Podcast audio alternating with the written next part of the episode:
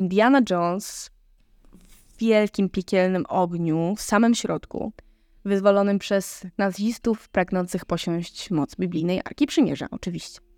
Superman walczący o Ziemię pod jej powierzchnią, gdzie planeta staje się wyjątkowo gorąca, bo to oczywiście jest najbardziej imponujące.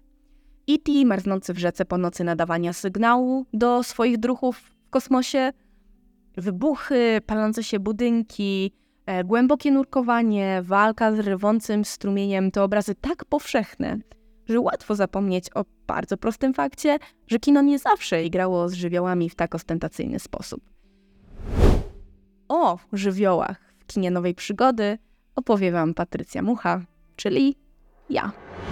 Kino nowej przygody to chyba taka fraza, którą znają wszyscy kinomani i kinomanki w Polsce. To kino ukochane przez kilka pokoleń widzów i widzek. Myślę, że każdy, każda ma swojego ulubionego bohatera, częściej bohatera niż bohaterkę niestety. I wiele osób właśnie w tej formacji, czy nurcie, czy grupie filmów, do tego czym jest kino nowej przygody, zaraz jeszcze przejdę, właśnie w tym upatruje początków swojej kinofilii. To często są pierwsze filmy, które oglądało się za dzieciaka, które polecili nam bracia, siostry, rodzice, które często oglądaliśmy wspólnie. Ja też jestem tą osobą. Dla mnie Steven Spielberg, czyli właściwie taka ikona kina nowej przygody, był pierwszym reżyserem, którego znałam z nazwiska. Pierwszy, który jawił mi się jako autor i gwarantował jakość widowiska. To słowo widowisko jest tutaj absolutnie kluczowe, bo kino nowej przygody za granicą często nazywa się na przykład kinem nowej widowiskowości, właśnie zwracając uwagę na skalę spektaklu, jaka w tych filmach się wydarza. I tutaj chciałabym zadać Wam pytanie: z czym powszechnie kojarzymy w ogóle te filmy? Czy zastanawiamy się, co to w ogóle jest kino nowej przygody? O które filmy nam chodzi? Czy gdzieś kino nowej przygody się kończy jako formacja, grupa, nurt? Czy to jest jak kino stylu zerowego, które wiecznie się aktualizuje pod kątem tego, jaką mamy rzeczywistość kinową? Czy jak słynna anegdota o stopie wchodzącej do rzeki. Kino nowej przygody jest zawsze tym wejściem do pewnego nurtu i obiecuje zupełnie nowe wrażenia. Czyli tak jak stopa zawsze doświadczy innej rzeki, tak my z dekady na dekadę doświadczamy nowej, nowej przygody. Czy każdy film to obietnica wybuchowej, ognistej, mokrej, rwącej rewolucji?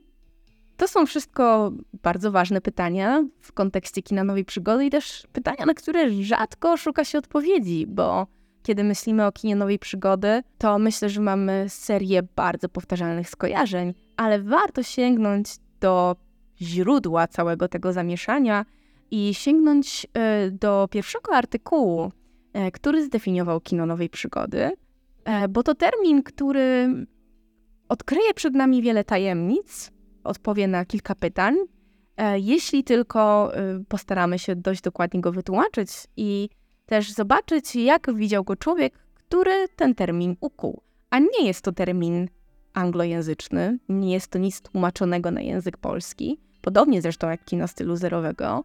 Mm, to jest termin, który stworzył polski krytyk filmowy, polski historyk, czyli Jerzy Błażewski.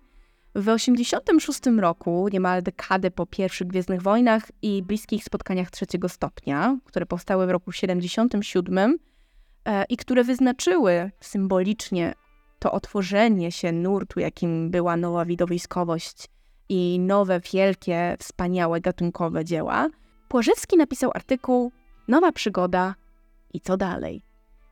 I to jest bardzo fajny tytuł, bo oczywiście już wskazuje nam na pewną gorycz, jaką ten krytyk filmowy mm, czuł wobec tego kina. Nie był to według Płażewskiego dobry kierunek, w którym kino zaczęło podążać. Nie był to nurt chlubny i godny naśladowania. Słowem Nowa Przygoda miała u Płażewskiego określić filmy niegodne miana prawdziwego kina. Bo pamiętajmy, że jesteśmy po wielkiej rewolucji, jaką kinu zaserwowała kontestacja, nowe fale. Nowa fala francuska, brytyjska, czeska. Jesteśmy po kinie modernistycznym, a w zasadzie w samym jego centrum. E, gdzieś zaczyna majaczyć się kino postmodernistyczne.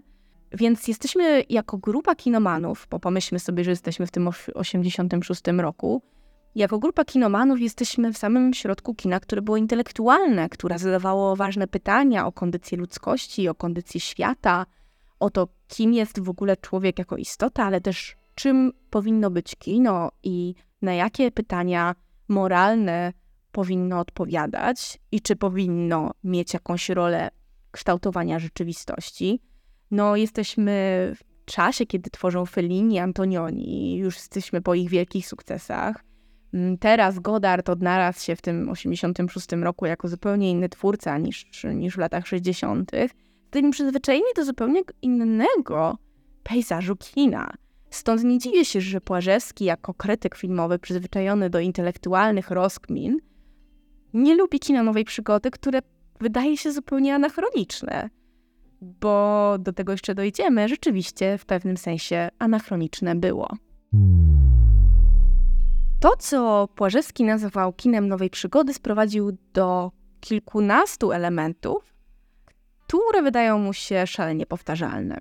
I tutaj cytuję: W kinie nowej przygody zawierają się gwałtowne zwroty akcji, wartkie tempo wzajemnie poprzedzających się wydarzeń, szybki ruch w samym kadrze, mroczne tajemnice, raptowne zaskoczenia, wyjątkowe zbiegi okoliczności, straszliwe niebezpieczeństwa, sytuacje pozornie bez wyjścia, obrazy wstrząsające rozmachem, makabrą lub okrucieństwem, groza, epatowanie egzotyką i co pewien czas szczypta humoru.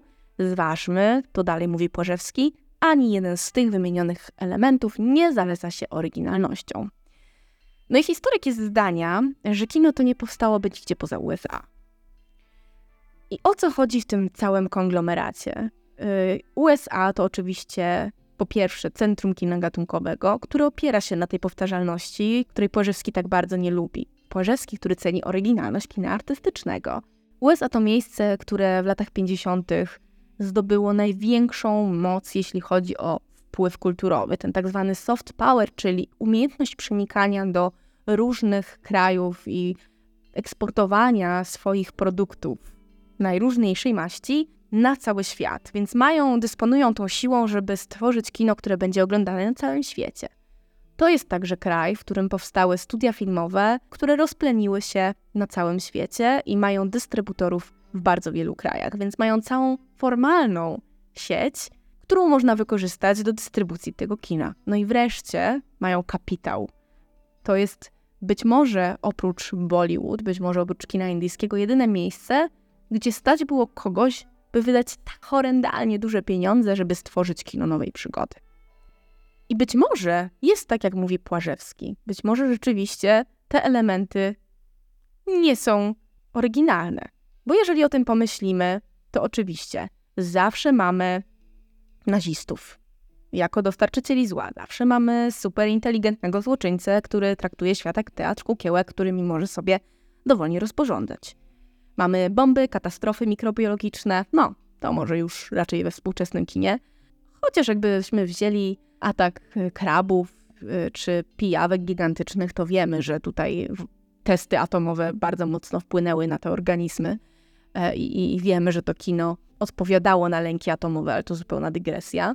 Mamy niesprzyjające warunki atmosferyczne, mamy bardzo głęboką wodę, wysokie wybuchy, no mamy to w gatunkowym kinie amerykańskim. To jest coś, z czego ono było często znane, z takich dużych elementów, wyrazistych elementów, prostych opozycji.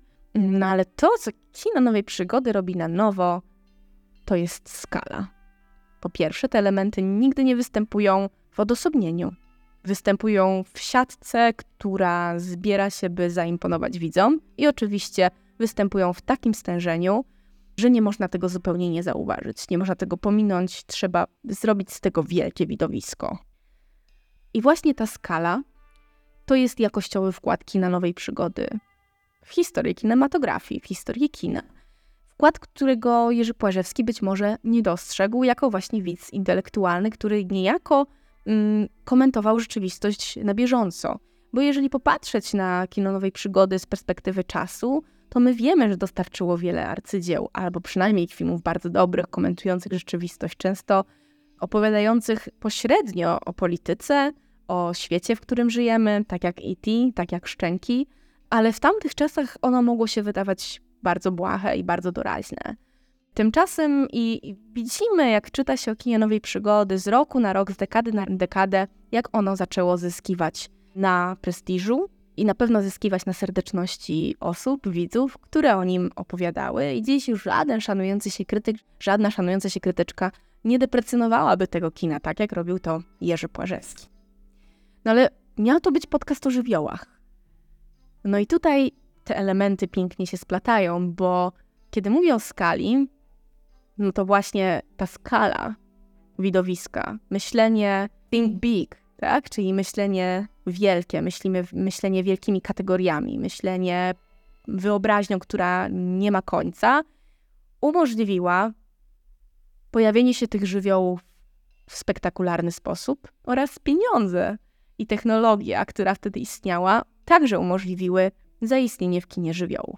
Bo żywioły oczywiście kojarzą nam się z czymś naturalnym, nieokiełznanym, większym niż ludzkość, większym niż świat, czymś, co pochłania rzeczywistość, tak jak tsunami, wzburzone morze, rwące rzeki, pożary. Ale kiedy widzimy je na ekranie, one są bardzo ściśle kontrolowane przez techników, którzy muszą takie sceny z udziałem żywiołów zrealizować. Więc oczywiście te żywioły mogły powstać właśnie e, w kinie Nowej Przygody, które było otwarte na to, by zrealizować spektakl większy niż życie i zrealizować go za pomocą technologii i pieniędzy. E, więc to jest bardzo duży paradoks, że żywioły ujawniają się w kinie najpełniej wtedy, kiedy możemy je najbardziej kontrolować i kiedy mówimy o najbardziej prozaicznych elementach kina, czyli właśnie o pieniądzach i o technologii, która musiała się jednocześnie rozwijać, e, żeby można było realizować coraz to bardziej skomplikowane sceny z udziałem tych żywiołów. Jednocześnie relacja kina nowej przygody z żywiołami jest raczej ambiwalentna, bo przecież to jest kino, to jest nurt bardzo technokratyczny. My ciągle obserwujemy na ekranie jakichś naukowców przed wielkimi komputerami, e, światy, które są często wyzute z jakichkolwiek elementów natury. Ludzie spędzający świat w jakichś bunkrach z daleka od rzeczywistości, przeprowadzających eksperymenty. Myślę, że warto tu wspomnieć choćby o filmach takich jak pierwszy Star Trek z 79 roku w reżyserii Roberta Weissa, pierwszego Obcego Ridleya Scotta, Terminatora Jamesa Camerona, czy nawet już późniejszych filmach, takich jak Człowiek Demolka z lat 90., w których żywioły natury ustępują żywiołowi technologii, która często się buntuje. E, wtedy nie mamy pomarańczu ognia, e, zieleni, rzeczywistości takiej leśnej na przykład, drzew. Nie mamy błękitów morza czy wody, za to te wszystkie kolory ustępują bieli, szarości, metaliczności, które są podporządkowane uniwersum stworzonym przez maszyny.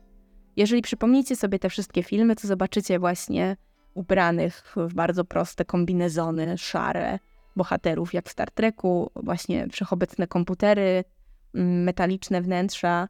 I właśnie Człowiek Demolka wydaje się tutaj bardzo ciekawym studium przypadku, które jest w stanie określić chyba najpełniej tą relację kina nowej przygody e, z żywiołami. Bo Człowiek Demolka zaczyna się fabularnie w roku 96, 1996, kiedy Sylwester Stallone jako kapitan policji, jako człowiek do zadań specjalnych walczy z największym przestępcą granym przez Wesley Snipesa. Od tego zaczyna się film, od sceny ich wielkiego pojedynku, w którym ginie 30 osób, o których nie wiemy za dużo, w którym niszczy się mnóstwo budynków, które płoną w żywym, wielkim ogniu. I to jest takie widowisko starego typu. I co się okazuje? że ludzie mają już dość tych wszystkich wybuchów. Ludzie mają już e, dość zabijania, ludzie mają dość nieokiełznanej rzeczywistości. I kiedy tylko udaje się pokonać tego złoczyńcę, to rządy y, Los Angeles decydują się także w takiej specjalnej komorze kriogenicznej zamrozić kapitana, który z nim walczył. Kapitana, który teoretycznie pozbył się zła, ale jednocześnie jest reprezentantem tego starego porządku, który pokazuje, że żeby pokonać zło, często też trzeba dokonać zła i rozwalić cały świat, który wtedy staje w ogniu. No i nagle przenosimy się do roku 2032 i widzimy technokratyczny świat zdominowany przez gadające maszyny, które dają mandaty za przeklinanie, w których nie ma papieru toaletowego, w których woda jest tylko w jednej fontannie, w których jedzenie jest bardzo odżywcze, ale jednocześnie wygląda jak malutka przystaweczka. Nie ma tam absolutnie żadnego życia, już nie mówiąc o żywiołach. Ponieważ ogień niszczy, woda zatrzymuje życie, bo to właśnie w wodzie zamrożony zostaje kapitan grany przez Sylwestra Stallona. Żywioły są dwudziestowieczne. W XXI wieku, w roku 2030 roku, nie ma dla nich miejsca. I to jest bardzo ciekawe, bo rzeczywiście, y, kiedy następuje z jakiegoś powodu rozmrożenie zamrożonego złoczyńcy, to współczesna władza, współczesna w roku 2032, decyduje się także odmrozić kapitana, któremu udało się poprzednio pokonać Wesleya Snipesa, czyli Sylwestra Stallone. I oni we dwójkę są właśnie tym dwudziestowiecznym elementem nieposkromionego żywiołu, e, który wprowadza znowu do tego ułożonego technokratycznego świata jakiś nieokiełznany element ognia i wody. I wydaje mi się to jakoś niezwykle paradoksalne z jednej strony, ale też pokazujące jakoś taką naszą kondycję, w której chcielibyśmy kontrolować wszystko i w której e, rzeczy, które są nieokiełznane, chcemy zakopać pod ziemię. Dosłownie. Bo więcej o człowieku demolce nie powiem, ale ruch podziemny, który walczy o przywrócenie pewnych elementów dwudziestowiecznego życia, także w człowieku demolce ma swoje miejsce. Jeżeli jednak żywioły już pojawiają się w tym kinie nowej przygody, a to jest ważne, żeby powiedzieć, że ono jest bardzo różnorodne, bo to jest nurt, który zaczyna się w latach 70., ale trudno upatrywać jego końca. Bo pomyślcie, kiedy możemy przestać mówić o kinie nowej przygody? W latach 80. wiemy, że jest to nurt, który jest w pełnym rozkwicie. Wiemy, że w latach 90. mamy jeszcze takie filmy jak Titanic, Człowiek Demolka, właśnie. E, filmy, które także zakrawają o te elementy. Hook Spielberga. Spielberg jest przecież u szczytu władzy mm, takiej kinematograficznej, robi e, Park Jurajski. Więc oczywiście wciąż tworzą ci reżyserzy, którzy zapoczątkowali to kino. George Lucas startuje ze swoją nową trylogią Gwiezdnych Wojen. No a mamy potem wczesne lata 2000 i kolejne filmy, ale czy Iron Man, który zapoczątkował pochód marvelowskiego kina, to jest kino nowej przygody? No bez wątpienia łączy się jakoś e, z tymi filmami, ale chyba już opowiada zupełnie inne historie, w których również jest coraz mniej miejsca dla żywiołów. Więc rzeczywiście te granice trudno przeprowadzić i mm, kiedy Pauline Kelly pisała o pewnej komercjalizacji kina popularnego e, i takiej e, uniformizacji, to znaczy, że popularne kino stanie się już prawie wyłącznie taką rozrywką spod znaku Stevena Spielberga, to myślę, że mówiła właśnie o tym, że to kino, które pobijało rekordy popularności, pobijało rekordy box office'u, kino, które kojarzymy z uroczym stworkiem E.T., zdominowało kino popularne, w którym nie ma już miejsca na inne gatunki i na inne rzeczy niż wielkie widowiskowe spektakle w rodzaju Jamesa Bonda czy komiksowych E, opowieści o wielkich, rozrastających się światach. No ale właśnie, teraz głównym przeciwnikiem nie są już żywioły, tak jak jeszcze były, bywały u Indiana Jonesa, ale przede wszystkim czas. No ale jeśli jednak żywioły pojawiają się w tym kinie nowej przygody, to są jak Tom Cruise w Mission Impossible, które notabene moim zdaniem też pięknie wpisuje się w tę kategorię. Prześcigają same siebie w tym, jak bardzo spektakularnie wyrażą się w fabule, i jak bardzo przekonają widzów i widzki do tego, że niemożliwe jest możliwe. I tutaj znowu mamy scenę, która jakoś tam egzemplifikuje to podejście kina nowej przygody do e, żywiołów, bo oczywiście najsłynniejszą sceną, najsłynniejszym obrazem z tego filmu jest Tom Cruise zwisający e, w białym pokoju po tym, jak opracował bardzo specyficzny plan dostania się do tego bardzo tajnego i bardzo strzeżonego pokoju. I to co potencjalnie może mu zagrozić w realizacji swojego planu, to jest kropla potu. I oczywiście ta kropla potu symbolizuje w pewien sposób nieokiełznaność żywiołów, bo jest to oczywiście żywioł mm, przecedzony, jakoś przefiltrowany przez ludzkie ciało, ale wciąż jest to woda. E, no i oczywiście tu powraca wątek budżetu, bo w filmie natura najczęściej właśnie czerpie z technologii. E, te sławne, albo u niektórych osławione pewnie u Płażewskiego, efekty specjalne to żywioły spętane właśnie węzłami technologii. Ten ogień może wydarzyć się tylko w bardzo kontrolowanych warunkach, oczywiście. E, a warto powiedzieć, że w czasach rozkwitu kina nowej przygody ten ogień naprawdę był rozpalany, ponieważ kiedy Kubrick, kiedy Spielberg realizowali swoje efekty specjalne, musieli nakręcić to, co wydarzyło się przed kamerą. Efekty specjalne, komputerowe dopiero zaczynały pojawiać się w ogóle w filmach, więc do tej pory u Spielberga, u George'a Lucasa wszystko musiało zadziać się przed kamerą, także te wielkie wybuchy. Musiało zadziać się analogowo, czyli w kontrolowanych warunkach. Ale rzeka była rwąca, a ogień naprawdę płonął. Do tego właśnie sposobu realizacji kina wróci zresztą George Miller w swoim najnowszym Mad Maxie z 2015 roku. U niego też podobno około 90% efektów specjalnych było efektami analogowymi, to znaczy buchający z gitary e, ogień podczas pościgu to był ogień, który naprawdę rzeczywiście wybuchnął. I być może właśnie dlatego to też e, było kino, które było niezwykle popularne, bo namacalność tych żywiołów była jednym z najbardziej nęcących i uwodzących elementów. Kiedy dzisiaj oglądamy kino, które było sformatowane już przez e, komputerowe efekty specjalne, zwłaszcza takie kino sprzed 20 lat, no to e, te efekty wydają się potwornie sztuczne i niewiarygodne. Tymczasem morze w szczękach Spielberga, czy woda kapiąca w jaskini w Gunis i jakieś wiry i jakieś tornada które zostawały zekranizowane w latach 70. i 80., wciąż wyglądają bardzo dobrze. Wiemy już zatem, e, czym okiełznane są pozornie nieskończenie potężne żywioły w kinie nowej przygody. No ale warto zastanowić się, czemu one w ogóle tam się wydarzają, oprócz tego, że są wybuchowe, piękne i e, niezwykle spektakularne. No i dla, w których momentach się uaktywniają i komu najczęściej towarzyszą. No bo tak spójrzmy na to takie klasyczne kino nowej przygody, na te takie opowieści, które najczęściej kojarzymy z tym nurtem. E, lećmy po kolei. Mamy Luka Skywalkera w Gwiezdnych Wojnach, mamy Eliota w E.T., Indiana Jonesa, e, chłopaków z Goonies, Roya z Bliskich Spotkań Trzeciego Stopnia, Piotrusia Pana z Haka. No, z bardziej współczesnych przykładów, na przykład e, Richarda O'Connella z Mumii, czy Bena ze Skarbu Narodów przeważającej większości, z klubnymi wyjątkami w postaci Ripley, e, z Obcego czy dr Eli z Parku Jurajskiego, bohaterowie kina nowej przygody to chłopcy. I to właśnie chłopcy, a nie mężczyźni, bo nawet jeżeli mają już dawno skończone 18 lat, to są bardziej chłopcami niż dorosłymi osobnikami płci męskiej.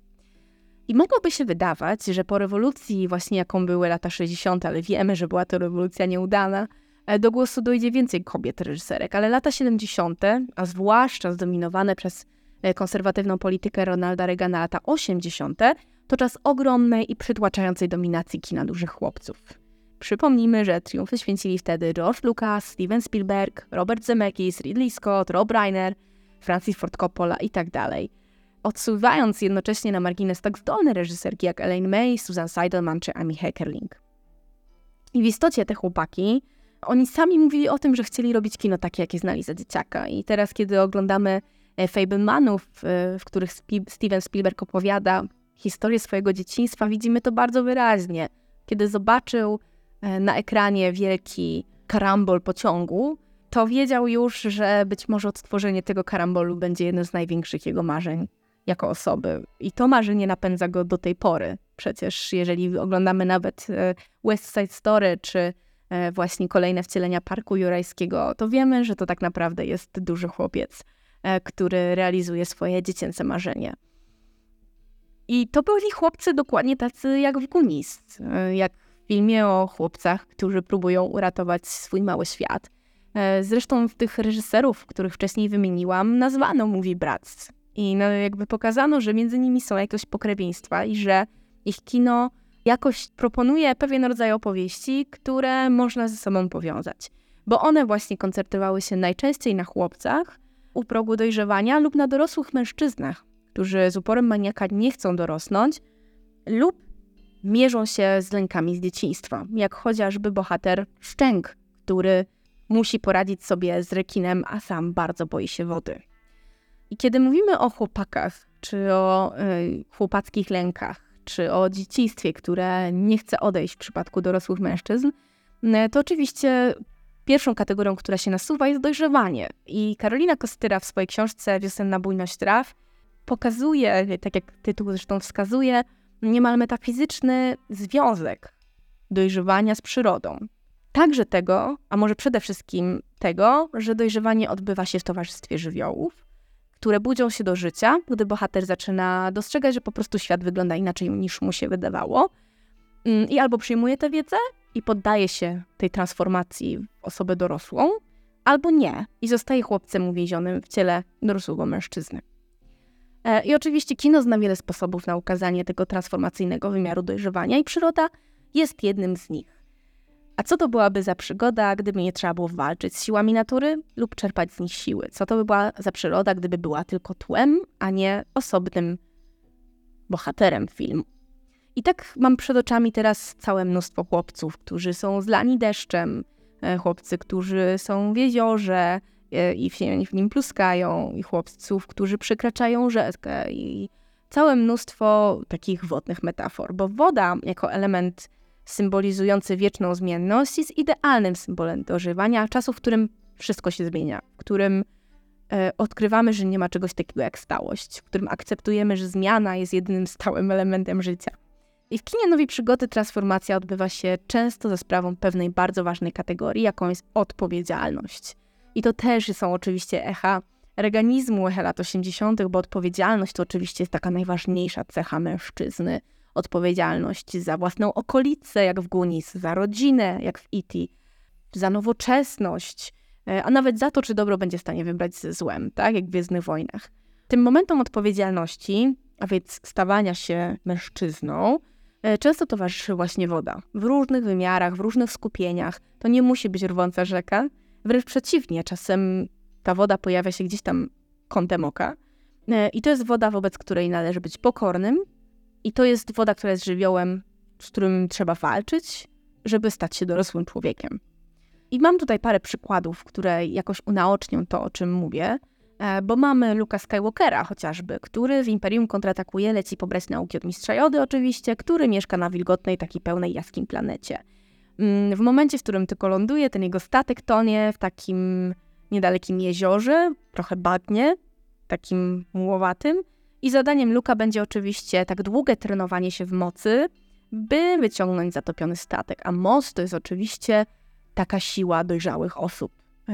Wiemy, że Darth Vader nie był mm, dość dojrzały, by posiąść moc w najlepszym jej wymiarze i w pełnym tego słowa znaczeniu, dlatego się wykoślawiła.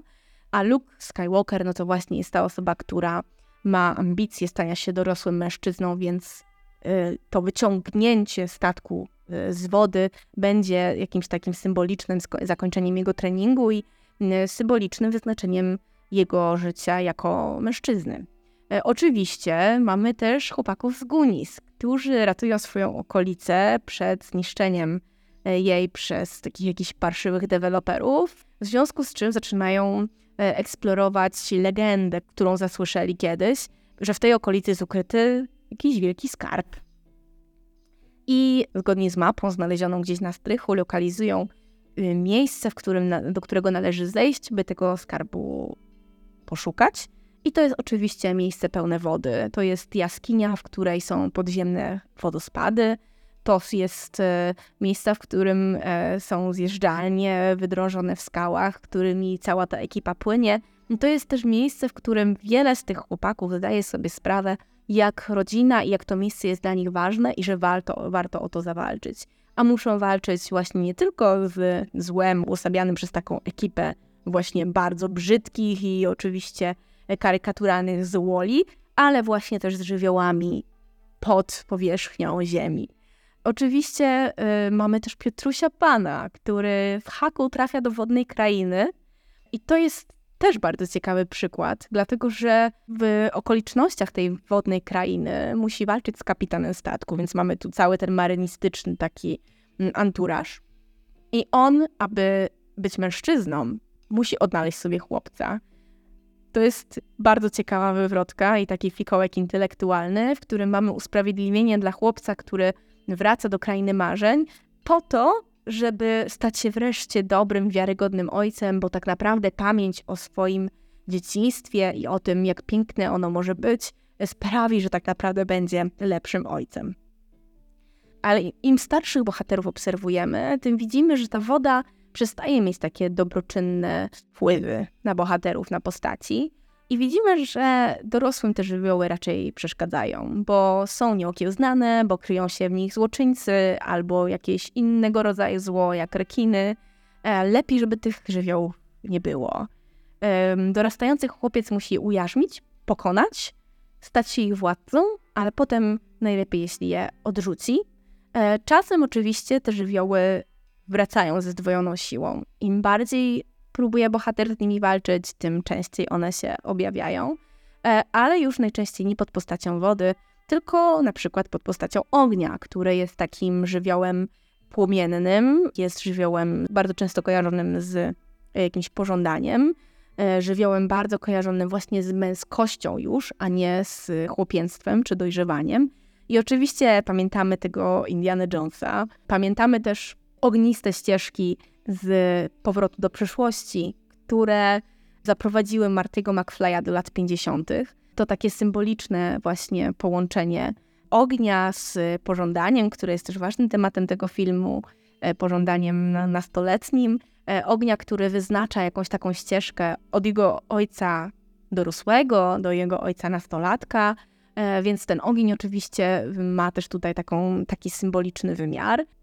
Oczywiście mamy ogień, który w złych rękach staje się bardzo złym narzędziem, e, czyli właśnie y, ogień w Mad Maxie, który pochłania kolejne przestrzenie, ogień, który jest niszczący, który pochłania miasta, ogień, który jest taki złożebny, który pokazuje jakiś piekielny wymiar, jak w Łowce Androidów, który też często podpina się pod kino nowej przygody.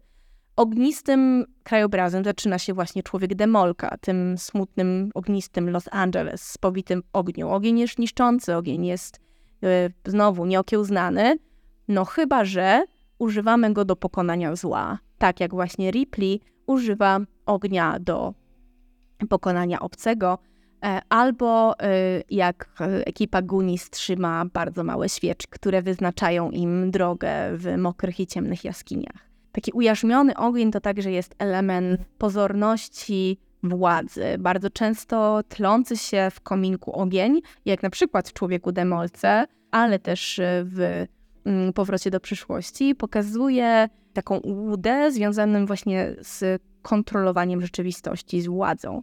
E, bardzo często ci bohaterowie, bo to znowu najczęściej są mężczyźni u władzy, okazuje się, że nie mają tak dużej władzy, jakby im się wyobrażało. Byli niepokorni, obłudni i bardzo często mm, ten ogień symbolizował właśnie to, że coś im się niedługo stanie.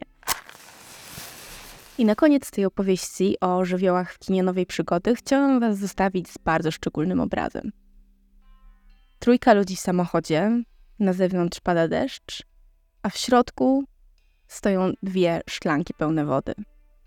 Te szklanki stoją nieruchomo, podobnie jak woda, dopóki nie zaczynają drgać miarowo i delikatnie, ale każda z osób w samochodzie widzi te drgania. To drgania, które sygnalizują kolejny, ale już zupełnie inny żywioł. To jest scena z Parku Jurajskiego Stevena Spielberga filmu, który w pewnym sensie podsumował kino Nowe Przygody, nadał jej też zupełnie nowy wymiar e, w połowie lat 90. Pomyślałam sobie, że powiem Wam właśnie o tej dosyć niepozornej scenie, a jednocześnie scenie, która zdefiniowała w pewnym sensie przygodę i to, jak ona jest oznaczana poprzez żywioły. Właśnie w tym wspaniałym, widowiskowym pełnym spektaklu kinie nowej przygody, jak określił je e, Jerzy Płażewski. Mm, I pomyślałam też, że warto byłoby prześledzić inne tego typu sceny, bo ogień czy woda to nie zawsze właśnie rwąca rzeka czy żywy ogień, e, ale także małe detale, także ogień, który, który czai się gdzieś kątem oka, także woda, która wydaje się zupełnie okiełznana przez naczynie, e, albo wiatr, który gdzieś swobodnie smaga twarze i włosy bohaterów i bohaterek. Myślę, że żywioły ukrywają się w kinie nowej przygody także w takich drobnych scenach, nie tylko w tych najbardziej spektakularnych sekwencjach. Natomiast dzisiaj kino nowej przygody wygląda już zupełnie inaczej i w ogóle być może jest to kino nowej, nowej przygody, pełne manipulacji czasem, pełne komplikacji obrazie, pełne wyobraźni na zupełnie innym pozaziemskim poziomie. I zachęcam Was do tego, żeby i w tym nowym kinie tropić ślady starego kina nowej przygody.